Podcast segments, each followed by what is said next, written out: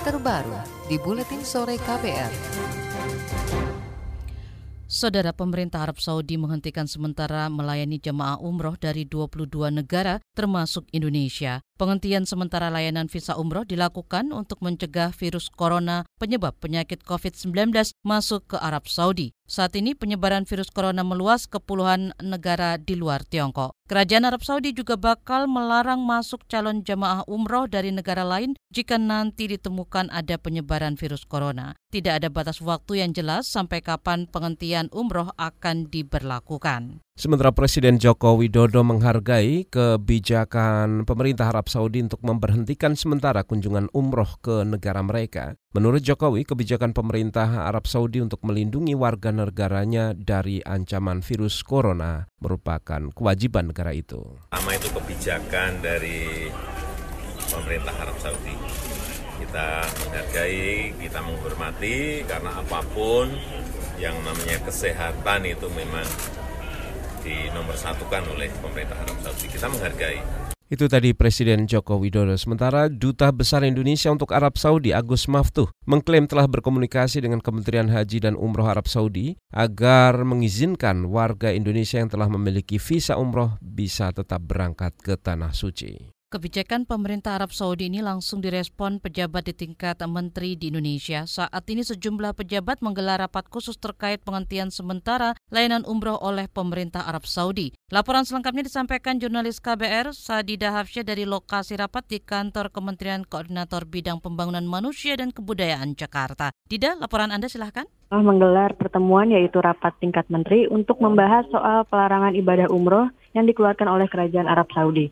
Rapat ini berlangsung di kantor Kementerian Koordinator Bidang Pembangunan Manusia dan Kebudayaan atau PMK mulai 10 menit yang lalu. Belum diketahui rincian pembahasannya seperti apa sebab rapat kini masih berlangsung. Menko PMK mengundang berbagai pihak eh, dan setidaknya tadi sudah hadir Menteri Agama Fakhrul Razi dan Menteri Luar Negeri uh, Retno Marsudi. Untuk diketahui kerajaan Arab Saudi menghentikan sementara penerimaan jamaah umroh menyusul maraknya penyebaran virus corona atau SARS-CoV-2 atau penyakit COVID-19 di seluruh dunia. Selain itu, Saudi juga menghentikan izin masuk menggunakan visa turis dari negara-negara yang tengah mengalami wabah virus corona. Dari Kantor Kementerian uh, Koordinator PMK Jakarta Siti Sadida Hafsyah melaporkan untuk KBR. Iya, itu tadi reporter Sadida Hafsyah melaporkan dari Kantor Kementerian Koordinator Pembangunan Manusia dan Kebudayaan. Saudara persaudaraan pengusaha umroh dan haji masih menunggu kejelasan informasi penghentian sementara kegiatan umroh oleh pemerintah Arab Saudi. Ketua Persaudaraan Pengusaha Umroh dan Haji Kota Solo, Jawa Tengah, Heri Suprabu mengatakan saat ini masih ada rangkaian jadwal pemberangkatan jamaah umroh hingga pekan depan. Ia menyebut penghentian kegiatan umroh akan berdampak pada nasib jamaah dan Biro Penyelenggara Umroh dan Haji. Sudah memiliki surat tulis ke muasasa terkait dengan penundaan penerbitan visa umroh. Ya otomatis pengajuan kita yang sudah dalam proses itu ditangguhkan dulu. Nah tentunya ini kan berdampak terhadap uh, semua biro umroh, ya termasuk jamaah umroh dan seterusnya. Saat ini kita masih mengkonsolidasikan dengan semua stakeholder terkait dengan dampak kebijakan ini. Karena kan Saudi itu kalau bikin kebijakan itu kan langsung ya, tidak ada toleransi kompromi. Padahal kita besok ada pemberangkatan. Tentunya ini akan berdampak terkait dengan tiket yang sudah kita isu, kemudian hotel yang sudah kita pesan, tentunya juga menyampaikan ke jamaah yang mau berangkat. Itu tadi saudara Ketua Persaudaraan Pengusaha Umroh dan Haji Kota Solo, Jawa Tengah, Her Suprabu.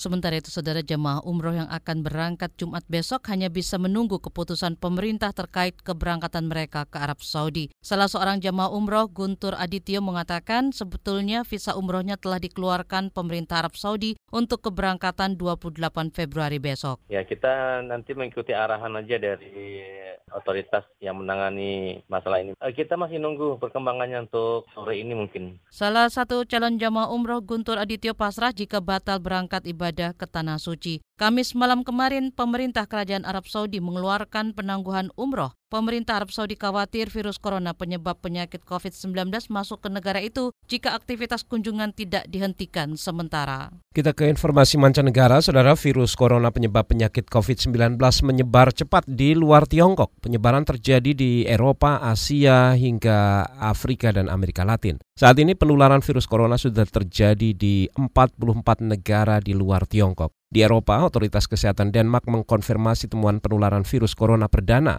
Reuters memberitakan kasus pertama di Denmark menimpa seorang warga yang baru liburan dari Italia. Jumlah kasus di Italia paling tinggi, mencapai 400-an kasus, disusul Jerman, Prancis, Inggris, Spanyol, dan negara lain dengan jumlah paparan rata-rata di atas 10 kasus. Sementara Brazil menjadi negara pertama di Amerika Latin yang mengkonfirmasi temuan infeksi virus penyebab COVID-19. Negara lain di Asia juga mengumumkan temuan kasus pertama seperti Pakistan, Sri Lanka, Nepal, dan Afghanistan. Sementara itu penyebaran cepat virus corona di luar Tiongkok berdampak besar pada aktivitas ekonomi dan perdagangan global. Virus corona menyebar hingga 44 negara di luar Tiongkok termasuk ke sejumlah besar negara Eropa. Perusahaan multinasional Nestle yang berbasis di Swiss menghentikan seluruh aktivitas perjalanan bisnis sampai bulan depan. Sementara itu Reuters memberitakan bursa saham global panik dan kehilangan transaksi senilai 3 triliun dolar Amerika Serikat dalam empat hari perdagangan saja. Data itu setidaknya dicatat indeks Morgan Stanley MSCI. Terlebih lagi dengan konfirmasi kasus penularan virus corona di Carolina Utara Amerika Serikat turut membuat pasar saham Amerika seperti Dow Jones, S&P hingga Nasdaq melemah pada pada Kamis ini. You're listening to KBR Pride, podcast for curious mind. Enjoy!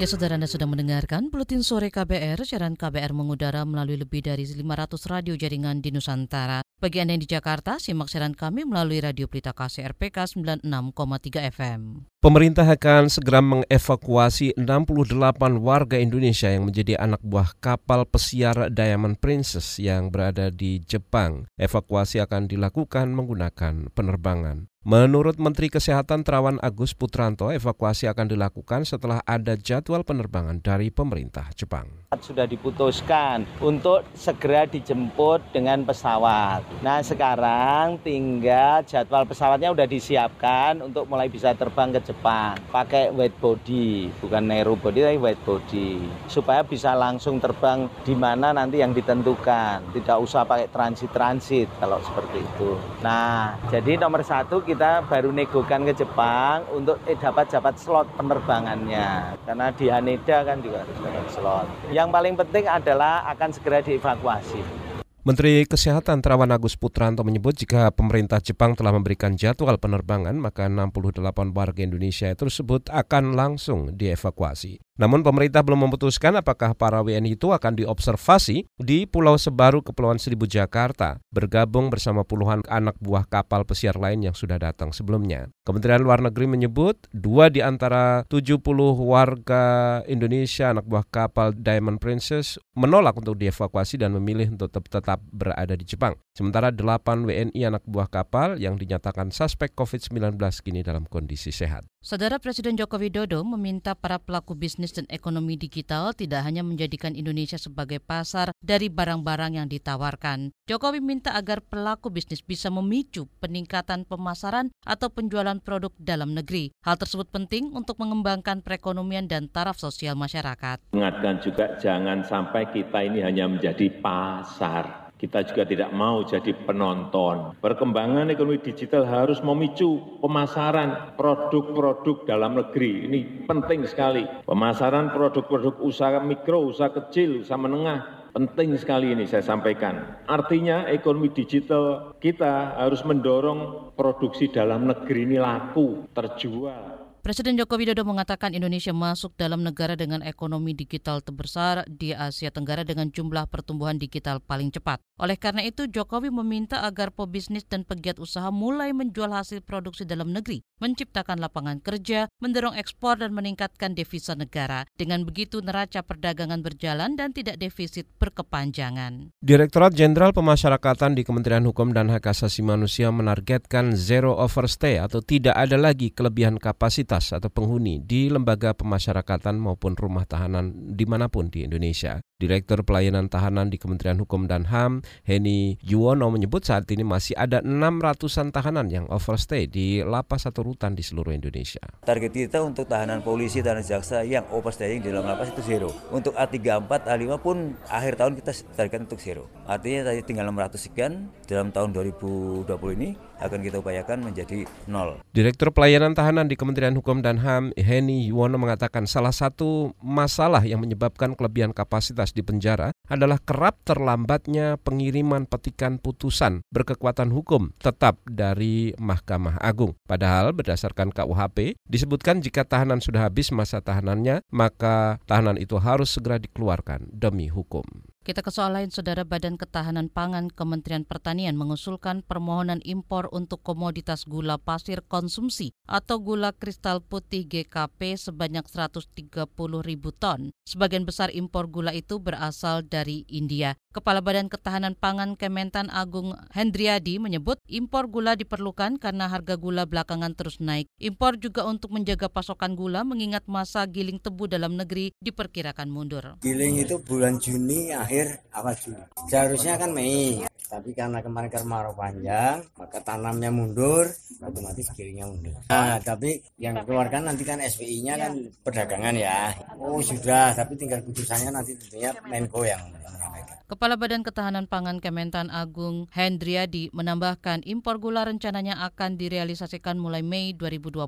India dipilih sebagai negara pengimpor gula dengan pertimbangan agar terjadi barter komoditas ekspor kelapa sawit Indonesia dengan negara tersebut. Namun usulan Kementan ini belum final dan perlu dibahas lagi di rapat koordinasi terbatas. Selanjutnya kita in, simak informasi olahraga, saudara ajang balap motor MotoGP tahun 2020 akan dimulai di sirkuit Losail, Qatar pada 8 Maret mendatang. Masuknya MotoGP Finlandia di sirkuit Kemiring membuat MotoGP musim ini akan melibatkan 20 sesi balapan. Hanya ada satu perubahan signifikan pada jadwal MotoGP tahun ini yaitu MotoGP Thailand dimajukan menjadi seri kedua dan digelar 22 Maret. Musim lalu MotoGP Thailand menjadi seri ke-15 sebelum triple header Jepang, Australia, Malaysia. MotoGP 2020 akan ditutup dengan balapan di Spanyol. You're listening to KBR Pride, podcast for curious mind. Enjoy!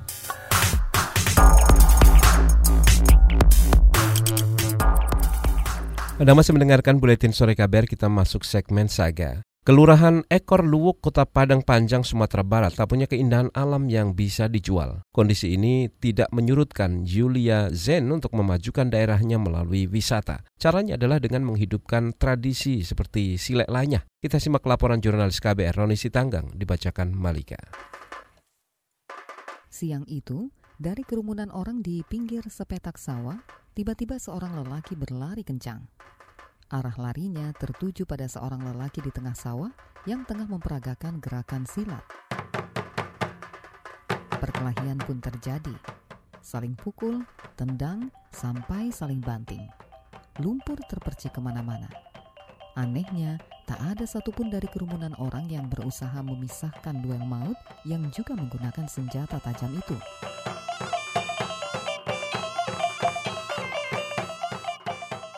Itu bukan perkelahian sungguhan. Perang tanding itu adalah peragaan silek lanya atau silat lumpur yang menjadi atraksi unggulan di desa wisata Kubu Gadang, Kota Padang Panjang, Sumatera Barat. Orang di belakang peragaan itu adalah Yuli Zain. Alumni IAIN Batu Sangkar berusia 26 tahun itu tertantang mengembangkan kampung halamannya menjadi daerah wisata. Tidak mudah buat Lisa meyakinkan para ninik mama untuk menerima desa wisata. Karena keinginan yang kuat dari kita bersama, khususnya khususnya waktu itu anak-anak muda yang mau mengembangkan kampungnya akhirnya uh, kita nekat aja nekat uh, coba ke Niniak Mama ke Bundo Kanduang dan mengumpulkan semua elemen masyarakat coba mempresentasikan. Walaupun tidak langsung deal kita jadi desa wisata. Karena image pariwisata saat itu adalah jika kita jadi suatu objek wisata pastinya akan ada hal-hal negatif. Image pariwisata waktu itu seperti itu. Kata Amri, Nini Mama yang bergelar Sultan Maulana Rajo. Mereka khawatir dampak buruk wisata bagi adat. berumbuklah kami yang tua-tua apa syarat dari desa wisata ini apakah pakainya bagaimana apakah bisa dengan secara adat kita adat istiadat kita. Jadi masih ragu di kami yang tua-tua seandainya orang Cina datang kan sering pakai celana pendek. Tak hanya keraguan cemoohan pun bertubi menimpanya butuh waktu berbulan bagi Lisa untuk meyakinkan Nini Mama atau tokoh warga untuk mau mendukung niatnya. Sebenarnya meragukan. Maksudnya ini beneran iya beneran mau dijadikan wisata karena kita itu cuma punya begini gitu. Kita uh, karena karena mereka taunya pariwisata itu kayak danau meninjau, ada danau segala macam gitu. Kita cuma ada ini gitu. Kalau untuk penolakan memang ada dari beberapa pihak yang mengatakan seperti ini. Jika jadi aja itu desa wisatanya misalnya potong kuping saya, ada yang bilang-bilang seperti itu. Jadi eh, jangan jadikan desa wisata itu akan menjadi salah satu virus negatif ini ini, ini. ada. Cemooh itu tak mampu melemahkan Liza. Potensi lokal dengan akar tradisi lantas ditelusuri seperti makanan tradisional dan silek lanya. Jadi karena waktu itu lagi booming pacu jawi dengan cipratan lumpurnya, kita coba itu uh, silat ini bisa nggak ya di tempat yang lumpur juga gitu. Jadi kita telusuri cerita-cerita leluhur.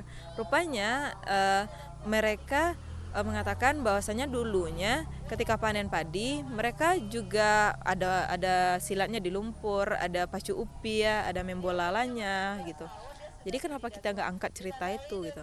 Dan dengan adanya silat di lumpur menjadi salah satu ujian juga bagi mereka untuk dikatakan bisa bersilat. Jadi nanti juga ada mungkin teman-teman yang mau mewawancarai, kenapa sih masih kecil uh, sudah jadi datua gitu. Jadi uh, ini salah satu uh, keunikan juga bagi kita mungkin di Minangkabau. Jadi, Sejak uh, itu, desa wisata Kubu Gadang semakin kondang. Pengunjungnya tak hanya wisatawan dari Sumbar, tapi juga dari provinsi lain dan mancanegara salah satunya dari Komisi Pemberantasan Korupsi KPK. Juru bicara KPK Yayu Andriati mengatakan, tradisi itulah yang jadi alasan memilih desa wisata Kubu Gadang sebagai tempat berkegiatan pelatihan jurnalisme warga.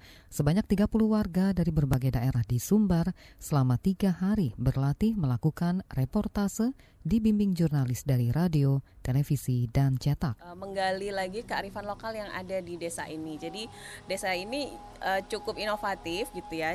Uh, ada desa wisata dan juga aktivitas-aktivitas uh, perekonomian lain yang kami lihat ini bisa uh, menjadi inspirasi untuk daerah-daerah lain dan uh, kami mengumpulkan teman-teman jurnalis warga uh, untuk lebih bisa mengeksplor daerah ini dan uh, melalui nanti produk-produk jurnalistiknya bisa um, lebih apa namanya mempromosikan daerah ini dan juga uh, yang lebih penting lagi sebenarnya kami menyasar uh, kearifan lokal yang um, mengandung nilai-nilai anti korupsi. Setiap bulan, desa wisata hasil inisiatif warga itu dikunjungi rata-rata 500 wisatawan. Kunjungan makin tinggi saat musim libur tiba. Banyaknya pengunjung membuat Wirajaya Septika, Lurah Ekor Lubuk, perlu menyiapkan anggaran khusus untuk membantu pengembangan desa. Kalau untuk kelurahan itu dukungannya insya Allah ya tahun besok kita akan menganggarkan uh, sebuah rehabilitasi untuk balai desanya Kubu Gadang ini dan berupa ada juga berupa pemberdayaan masyarakat seperti pelatihan silik lanya. Ada juga nantinya untuk di khusus di tempat ini kita akan mengadakan juga pelatihan berserta praktek memasak masakan tradisional. Yuliza Zain telah mengembangkan desa wisata ini sejak ia berusia 21 tahun. Ia berharap kehadiran desa wisata ini membuat generasi mudanya tak lagi merantau tapi mau mengembangkan kampung halaman sendiri. Padang panjang?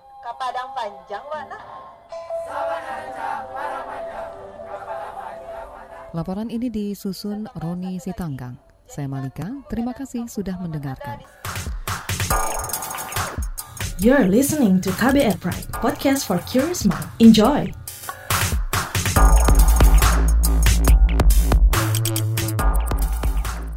Inilah bagian akhir dari Buletin Sore KBR. Kita ke Papua, Saudara Wakil Bupati Nduga Papua Ventius Nimiangge berencana mencari suaka atau perlindungan politik ke negara lain. Langkah itu akan diambil Ventius jika pasukan keamanan non-organik tidak ditarik dari Kabupaten Nduga. Dia memastikan akan mewujudkan rencana tersebut jika penarikan pasukan non-organik dari Nduga tak kunjung dilakukan dalam dua bulan. Saya tunggu satu dua bulan. Kalau tidak mau dengar lagi, saya suaka politik saya akan keluar. Saya kasih tahu, orang ditindis terus ditindis terus sampai penjajahan besar-besaran. Lebih bagus kita keluar. Andemi rakyat saya bicara.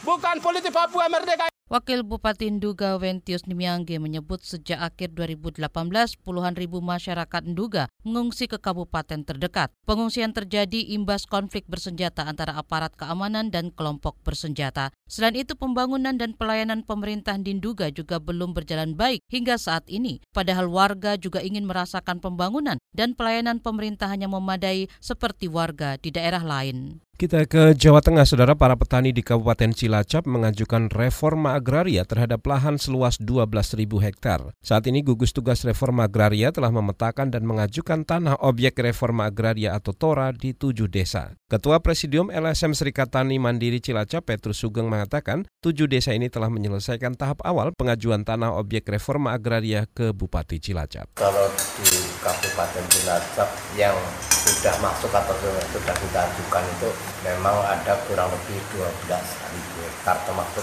di kecamatan Kampung Laut. Terus yang sudah kita petakan baik NEM itu baik objek maupun objek sesuai dengan luasan itu itu ada kurang lebih dari 12 itu baru kemarin ada di 7 desa ya. Ketua Presidium LSM Serikat Tani Mandiri Cilacap, Petrus Sugeng menambahkan dari 12.000 hektar yang hendak diajukan sebagai objek reforma agraria, hanya satu desa yang sementara ini diajukan dengan skema izin pemanfaatan hutan perhutanan sosial. Sisanya masuk di skema redistribusi kepemilikan atau penguasaan. Ya saudara informasi tadi menutup jumpa kita di Bulletin Sore hari ini. Pantau juga informasi terbaru melalui kabar baru melalui kbr.id, Twitter at berita KBR, serta podcast melalui kbrprime.id. Akhirnya saya Fitri Anggredi. Dan saya Gus Lukman kami undur diri. Salam. Salam.